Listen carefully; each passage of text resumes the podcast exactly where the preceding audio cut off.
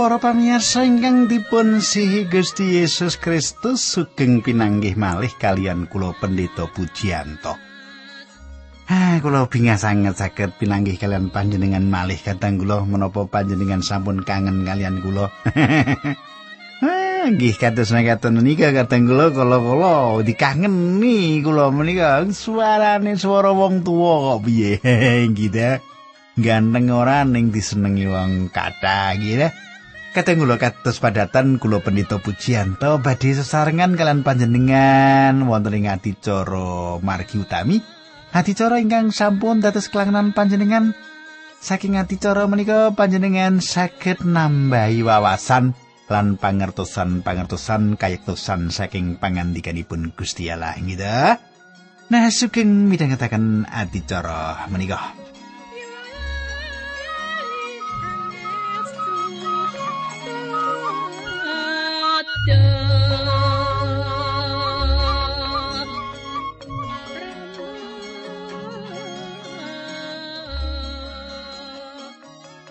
Para pamirsa ingkang kula tresnani, menapa panjenengan tasih kemutan menapa ingkang kula aturaken duk pepanggihan kepengker menika?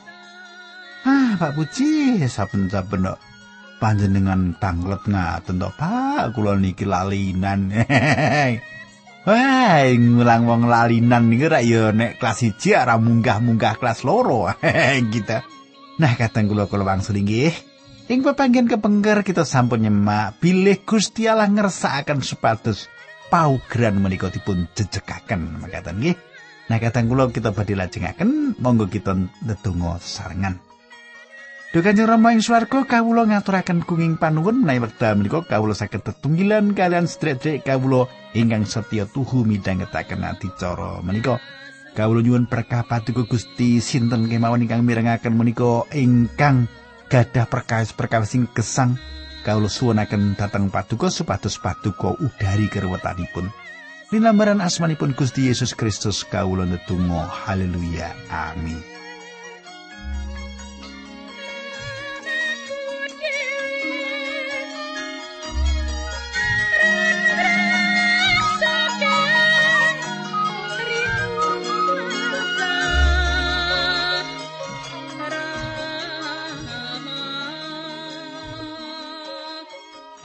Para pamirsa ingkang kula tresnani, pasinaon kita sampun ngancik. Ing kitab babat bab kalih dosa. Nggih panjenengan bikak kitab suci panjenengan. Kitab babat bab kalih dosa. Kula waosaken wiwit ayat tunggal bareng mangsa ketiga candhake ya kuwi mangsane raja-raja adate padha ngluruk perang Yoab karo tentarane ngrebut tanah Hamon. Nalika semono Raja Daud ora bebarengan nanging kari ing Yerusalem, Yoab lan tentarane ngepung kutha Raba. Kutha mau diserang lan digempur nganti rata karo lemah. Para pamirsa. Ketingalipun Yoab dados tiang ingkang nyerang ing perkawis menika. Sinaosa saged kemawon, Yoab adindak kados makaten nanging kita kedah imut pilih Daud sampun damel tondo memitran kalian Raja Bani Amon ingkang tasih nem nanging piyambakipun dipun asoraken lan langsung raja nem-neman menika nyerang Daud. Dados peperangan menika namung kelajenganipun saking peperangan ingkang sampun dumados. Mboten wonten kompromi kalian mengsah. Mboten bakal wonten kompromi kalian piyawon pemanggih ingkang sanjang pilih kasainan lan piyawon saged pelampah sairing menika lepat babar pindah. Menawi panjenengan ing salebetipun piyawon menika jalaranipun panjenengan sampun kompromi kalian piyawon menika. Inggih menika ingkang sampun dipun supekaken dening jagat. Perlu dipun katosaken kathah tiang ingkang giris dumateng peperangan ingkang dumados ing negari sanes. Nanging tiang menika remen utawi saged nampi ing negarinipun piyambak gesang tanpa paugeran. Perlu dipun gatosaken kathah tiyang ingkang giris dumateng peperangan ingkang dumados ing negeri sanes.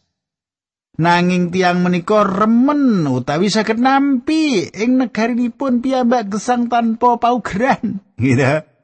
Tiang-tiang kalau sanjang kita kedah sinau, maklum lan ngajeni tiang-tiang ingkang nerak paugeran. Piyawon kedah dipun lawan. Kahanan tanpa paugeran kedah dipun lawan.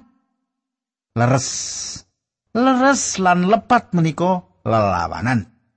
Ing mangsa perang Daud malah wonten ing Yerusalem lan inggih wekdal makaten menika Daud dawah dosa kalian Batseba. Panjenengan gatosaken Gusti Allah mboten nyerat dosa ing mriki. Gusti Allah sampun paring pangandikan bilih panjenenganipun ngapunten dosa-dosa kita lan panjenenganipun boten badhe malih ngemut-ngemut dosa menika. Panjenenganipun kanthi saestu meratelaken pangandikanipun menika. Samenika ayat sekawan gangsal 6. Sawise kedadian mau rawatara suwe Israel perang meneh karo wong Filistin ing kutha Geser. Ing peperangan mau si Kai wong Husa mateni wong gedhe dhuwur sing jeneng Sipai mula wong Filistin yo banjur kalah.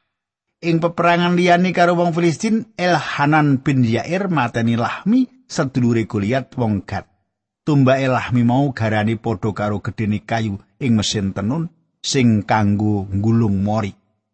Nalika perang ing Gad meneh ana wong gedhe dhuwur sing saben tangane drijine enem mengkono go ing saben sikile kuwi turune wong jaman biyen. Para pamirsa, Panjenengan katasaken ing salebetipun cecongkrahan peperangan kalian tiang Filistin. Tiang tiga ingkang kalebet tedak turunipun buta dipun pejahi dening Daud lan ugi para perwiranipun. Panci Daud dados misuwur awit mejahi Goliat. Tiang Filistin inggih menika mengsah ingkang boten leren-leren sak dangunipun gesang Daud. Para pamirsa, tiang pitados ugi gadah mengsah ing gesangipun ugi. Kita sawak perang kalian pangwaos langit ingkang awon. Menawi panjenengan menika kalebet putranipun Gusti Allah, pramila panjenengan ugi kalebet prajuritipun Sang Allah.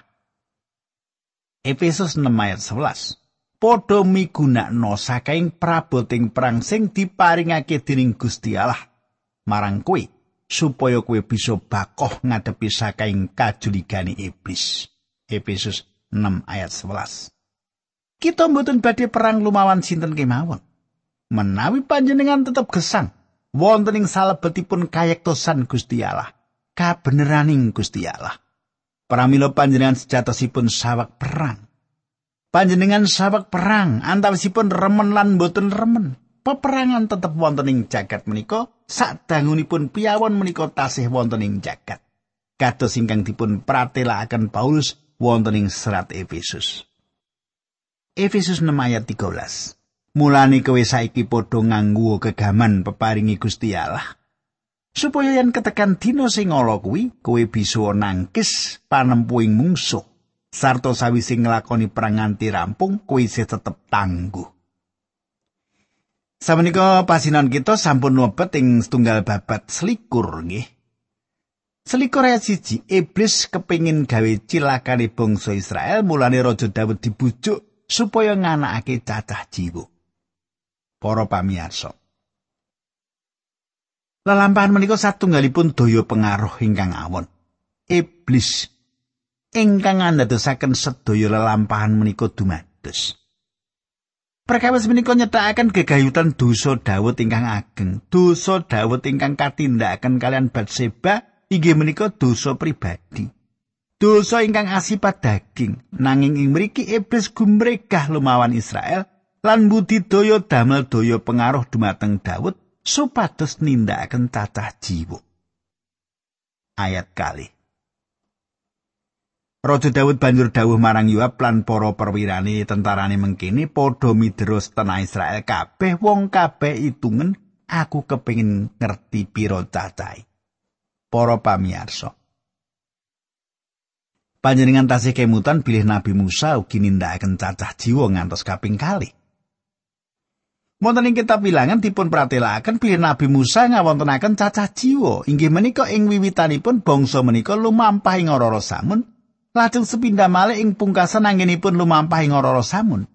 Mboten wonten lepat ing lelampahan menika. Sak mboten-mbotenipun Nabi Musa mboten dipun anggap lepat ing perkawis menika. Nanging Menapa ingkang dipun tindakaken Daud menika dosa? Wonten tiyang ingkang mestani bilih menapa ingkang dipun tindakaken Daud menika kasarengan watek gumedhenipun Daud. Inggih monggo kita lajengaken maos pangandikan menika. ayat 3 setunggal babat bab selikur. Wangsulane Yoab, mugi pangeran nikelaken rakyat Israel ngantos kaping satosipun samenika. Panjenengan rak sampun pirsa bilih rakyat sedaya sampun dados kawulanipun Sang Prabu. Dados menapa ginanipun ngawontenaken caca jiwa menawi menika ketitik lepat rak sebong sedaya badhe nyanggi paukumanipun. Para pamirsa, Daud gadah kekajengan damel statistik lan wungunipun wonten dosa statistik. Yuap lumawan pamudidaya damel statistik menika awit jawab rumaos bilih patrap menika wonten sifat gumedhe ing salebetipun. Kulo gadah pemanggih sinau so dosa gumedhe wonten ing salebetipun patrap menika nanging menika mboten keterangan ingkang sawetahipun babagan dosa menika. Sakmenika Yeremia songo ayat 13 ngantos kawan likur. Makatan pangandikanipun Gusti. Pangandikane pengiran. Wong wasis aja ngumukake kawicaksanani. Lan wong rasa aja gemunggung ngumukake karosane utawa wong sugih aja ngendelake kasugihane. Yen ana wong sing arep umuk umuk o anggone duwe sesurupan ing ngatasé aku lan ngerti marang kersaku, Mergo si kadarmane tetep ing selawasi lan aku nindakake kabeneran lan keadilan ing bumi. Prakara-prakara sing mengkono kuwi sing ndadekake renaning penggalihku. Mengkono pangandikane pengiran. Para pamirsa Gusti Allah mboten kepareng Daud nindakaken cacah jiwa menika awit Daud mboten abingah-bingah wonten ing salebetipun Gusti. Piyambakipun abingah-bingah gegayutan kan kami suran pribadinipun piyambak. Dados ingkang ngandadosaken piyambakipun ngawontenaken cacah jiwa menika inggih menika dosa angenipun mboten pitados ingkang ngegirisi. Dosa awit angenipun mboten pitados lan angenipun mboten pitados menika dados kahanan ingkang ngegirisi. Daud langkung pitados dumateng angka ketimbang kumandel dumateng Gusti Allah. Panjenengan kados pundi? Katang kula, drite akeh wis. Ora perlu percaya karo Gusti Allah meneh. Nganggo duit iso kok, gitu. Niku sing jenenge panjenengan luwih percaya angka-angka. Nah, wonten mriki Monggo kita semak. Kita sinau saking menapa ingkang dipun tindakaken Daud. Bab selikur ayat papat nganti limo ngantos nemawon sisan nggih. Nanging Raja Daud maksa ndawi Yoab nindakake cacah jiwa mau, Yoab banjur mangkat ndelajahi setelah Israel kabeh. Banjur bali menyang Yerusalem nglaporake hasil cacah jiwa mau. Cacahe wong lanang sing bisa dadi tentara ing daerah Israel ana sak juta satu sewu, lan ing daerah Yehuda patang atus pitung puluh ewu. Talar Lewi lan Benyamin ora klebu ing cacah mau, Yoab ora nyacahke wong-wong Lewi lan Benyamin mergo ora seneng nindakake dawuh Sang Prabu. Para pamirsa. Ing wekdal Nabi Musa nindakaken cacah jiwa, Nabi Musa gadah rakyat 603.000. Daud gadah sak yuta langkung tinimbang kalian Nabi Musa. Satunggalipun perkawis ingkang lelawanan kalian Daud lari angin Ing wekdal piyambakipun mlebet ing salebetipun kemah lan ningali raseksa Goliat ingkang kanthi gumedhe nantang Israel. Lari angin alit menika mboten kepengin nindakaken cacah jiwa nalika semanten. Piyambakipun mboten ngetang pinten prajuritipun mboten. Piyambakipun namung sanjang ideno aku lumawan wong iku. Kenging menapa Daud lari angin menika gadah kekendelan nindakaken sedaya menika. awit piyambakipun kumandel dumateng Gusti. Piyambakipun kesah kanthi beto bandil lan gangsal watu alit saking lepen. Watu bunder-bunder gitu. Panjenengan boten nate gadah pikiran betahaken Gusti ing wekdal panjenengan gadah rakyat setunggal yuta tiyang. Ing wekdal panjenengan namung gadah bandil lan gangsal selo alit, panjenengan mangertos pilih ing wekdal menika panjenengan betahaken Gusti. Gitu, para pamirsa. Panji saben bangsa mbetahaken prajurit kangge mbela negarinipun saking jagat ingkang awon. Kita mboten kenging dados tiang bodho lan fanatik. Lan sanjang kita mboten betahaken pangayoman prajurit nanging mboten wonten ing mriku kapitayan kita kedahipun. Yuap protes menapa ingkang dipun tindakaken Daud nanging Daud tetep tegas gadah kekajengan nindakaken sensus. Jaman samenika tiang gadah pikiran menawi gadah senjata bom atom lan hidrogen bangsa menika mboten perlu Gusti Allah malih Para pamirsa kita mbetahaken Gusti Allah tiang ingkang kumandel dumateng perkawis-perkawis ingkang lepat ing jaman samenika.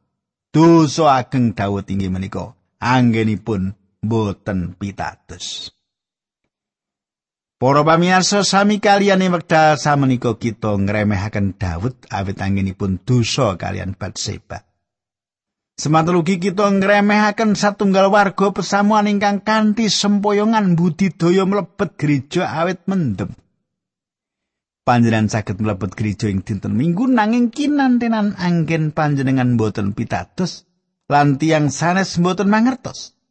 Menawi anggen panjenengan boten pitados menika dipun mangertosi tiyang sanes perkawis menika ugi boten dados masalah ingkang kedah dados kawigatosan. Iblis tansah wonten ing salebetipun tiang pitados ingkang boten kumandel kalian Allah. Iblis menika nglebetaken raos boten pitados menika ing manah lan ing pikiran kita supados kita boten pitados dumateng Gusti Allah. Iblis tansah nyurung kita supados kita langkung ngendelaken manungsa ing salebetipun gadah prajurit ingkang cekap arto ing samukawis nanging boten dumateng Gusti Allah. Inggih menika dosa statistik kathah tiang jaman samenika langkung pitados matematika lan boten Gusti ingkang nitahaken samukawis. Omahe gedhe. Duwite akeh. Sawai pirang-pirang. Lopo kumandel karo Gusti Allah? Eh. Nyawane dijupuk. Gitu. Sali kathah bencana nggih. Kepengkerna bencana alam teng pundi-pundi. Omah sing dibangun apik-apik entek kabeh gusis mung ditangi sitok. Nggih nah kadang kula kinapa panjenengan pirsa nek barang bakal ilang kok digoleki ngantek nemen-nemen iku? Langkung sae panjenengan goleki Gusti Allah. Riyen ben sumbering kesang menika panjenengan tampeni sik supaya rejeki panjenengan ambanyu mili. Amin kata kula. Nah, para pamirsa, tiang-tiang menika langkung pitados dumateng komputer tinimbang dumateng Sang Kristus. Tiang-tiang langkung pitados dumateng angka-angka tinimbang pitados dumateng Gusti Daud sinau saking pengalaman menika. Panjenengan pirengaken menapa ingkang dipun sanjangaken Daud menika. Mazmur 118 ayat 8 lan 9. Luwih becik ngungsi marang Allah ketimbang karo ngendelake manungsa. Luwih becik ngungsi marang Allah ketimbang karo njagakake para panggedhi Mazmur pitung puluh siji Duh Allah kawula ngungsi dateng paduka mugi sampun ngantos kawula kewirangan. Para pamirsa kita perlu tanglet kanthi saestu dumateng badan piyambak gegayutan perkawis menika. Menapa kita saestu itu kumandel dumateng Gusti Allah? Ibrani 11 ayat 6. Ora ana wong sing bisa gawe renaning penggali Allah tanpa percaya. Sing sapa sowan ana ing ngarsane Allah kudu percaya yen Gusti Allah kuwi ana lan maringi ganjaran marang kang padha goleki panjenengani. Gusti Yesus ngendika ing wekdal Sang Roh Suci rawuh ing jagat menika. Panjenenganipun nyadaraken manungsa gegayutan kalian dosa. Dosa ingkang kados pundi? Yohanes 16 ayat 9. Panemune bab dosa kuwi salah. Mergo wong-wong mau padha ora percaya marang aku. Paulus nyerat Rom 18 ayat 3 lan samu barang sing ora ada dasar percaya kuwi dosa. Para pamirsa, inggih menika dosanipun Daud lan dosa menika inggih menika satunggalipun dosa ingkang nyata. Daud lajeng ningali kados menapa ngegiri sinipun menapa ingkang sampun ditindakaken menika. Samenika setunggal babat selikur ayat pitu ngantos wolu makaten. Gusti Allah ora rena ing penggalih karo anane cacah jiwa mau mulane Israel banjur dihukum. Raja Daud banjur ndedonga marang Allah aturi kawula sampun damel dosa. Mugi kersa paring pangapunten mergi ingkang kawula lampahi menika pendamel ingkang bodho sanget. Para pamirsa samenika Gusti badhe nanting Daud paukuman ingkang pundi ingkang kedah dipun pilih piyambakipun. Ayat songo 10 11 rolas. Pangeran ngendika marang Nabi penasihat pribadine Raja Daud. Dawi, Daud paranono. Lan kondo yen ana telung perkara sing kena dipilih salah siji, aku bakal nindakake apa sing dipilih mau. Nabi Ket banjur budal sowan Sang Prabu Daud lan ngaturake Dewi Allah aturi panjenengan kedah milih salah tunggal saking tigang perkawis menika. Tigang tahun awis tedo dipun kuyo-kuyo dening mengsah tigang bulan menapa tigang dinten laminipun dipun gebak dening pangeran Srana panggebluk sebab malaikatipun pangeran badhe ndatengaken pepejah pradin setenah Israel sedaya kula aturi milih samenika ugi supados kula saged matur dumateng pangeran. Para pamirsa kita katasaken menapa ingkang dipun tindakaken dening Daud menika saestu ngedapi-dapi Kula suwun panjenengan sarujuk kalian kula bilih Daud menika satunggalipun priyantun ageng. Piyambakipun menika manungsa limrah kados dene kula lan panjenengan. Piyambakipun nyepak, piyambakipun damel dosa, piyambakipun nindakaken kalepatan nanging boten nate kecalan kawilujenganipun utawi raos ngorong tetunggilan kalian Gusti Allah mboten nate kecalan. Ayat 13 wangsulane Raja Daud, aku judek nanging aku moh dihukum dening manungsa luwih becik kita tampa paukumane Allah wae mergo Allah mono gedhe katresnani. Daud tepang kalian Gusti Allahipun inggih menika manungsanipun ingkang paring dawuh supados ngawontenaken cacah jiwa awit piyambakipun langkung pitados dumateng manungsa. Samenika piyambakipun ningali menapa ingkang sampun dipun tindakaken kados menapa ngedapi-dapinipun ing wekdal piyambakipun kumandel dumateng Gusti Allah lan piyambakipun gadah kesaksian ing wekdal lumawan Goliat. Daud menika manungsa limrah kados jeneng kita.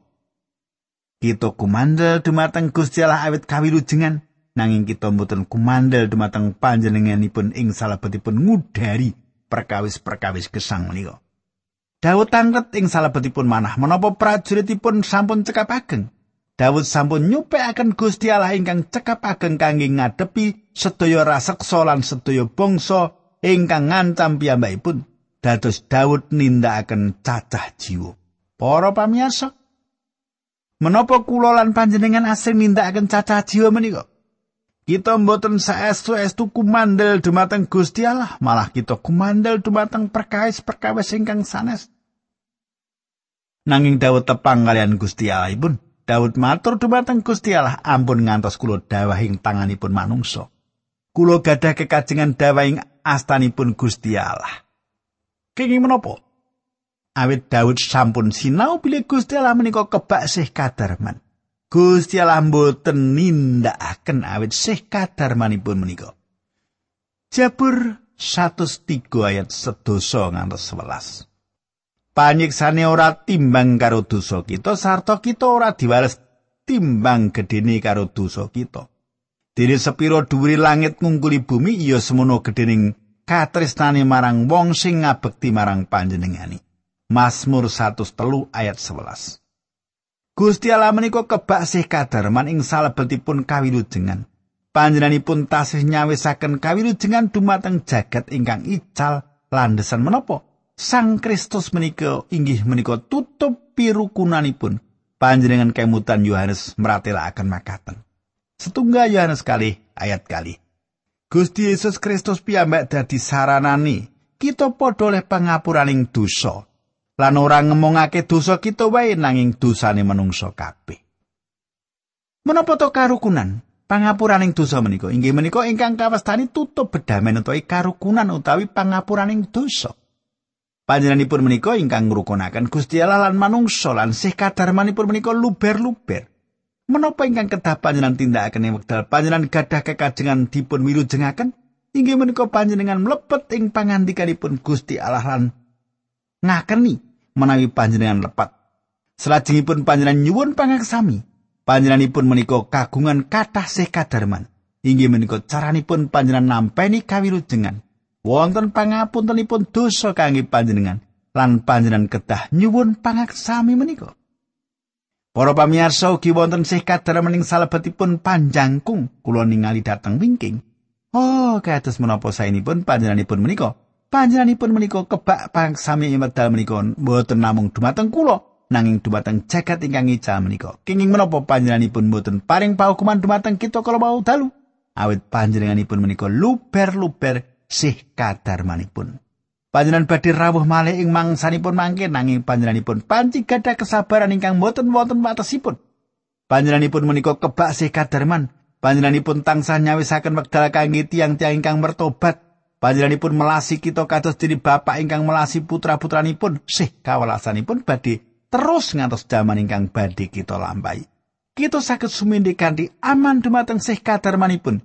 Sih kadarmanipun menika boten telas. Sih kadarmanipun menika tansah wonten mboten asipat sawetawis lan sih kaderman menika mboten awit saking perkembangan watek pantunipun Daud saged sanjang Jabur 136 ayat 1 Podho saosa puji marang Allah awit panjenengan iku becik sih kasetyane langgeng selawasi Dados Daud masrahaken badanipun ing salebetipun sih kadarmanipun Gusti Allah Maka tentu mian katang kula monggo kita tumungkul kita ndedonga sesarengan. Duh Kanjeng Rama ing swarga kawula ngaturaken gunging panuwun menawi wekdal menika kawula saged mirengaken pangandikan Paduka. Kawula suwun saking menapa ingkang abdi Paduka aturaken menika saged para pamirsa sinau satunggalipun kayektosan. Dinambaran asmanipun Gusti Yesus Kristus kawula netunggal haleluya. Amin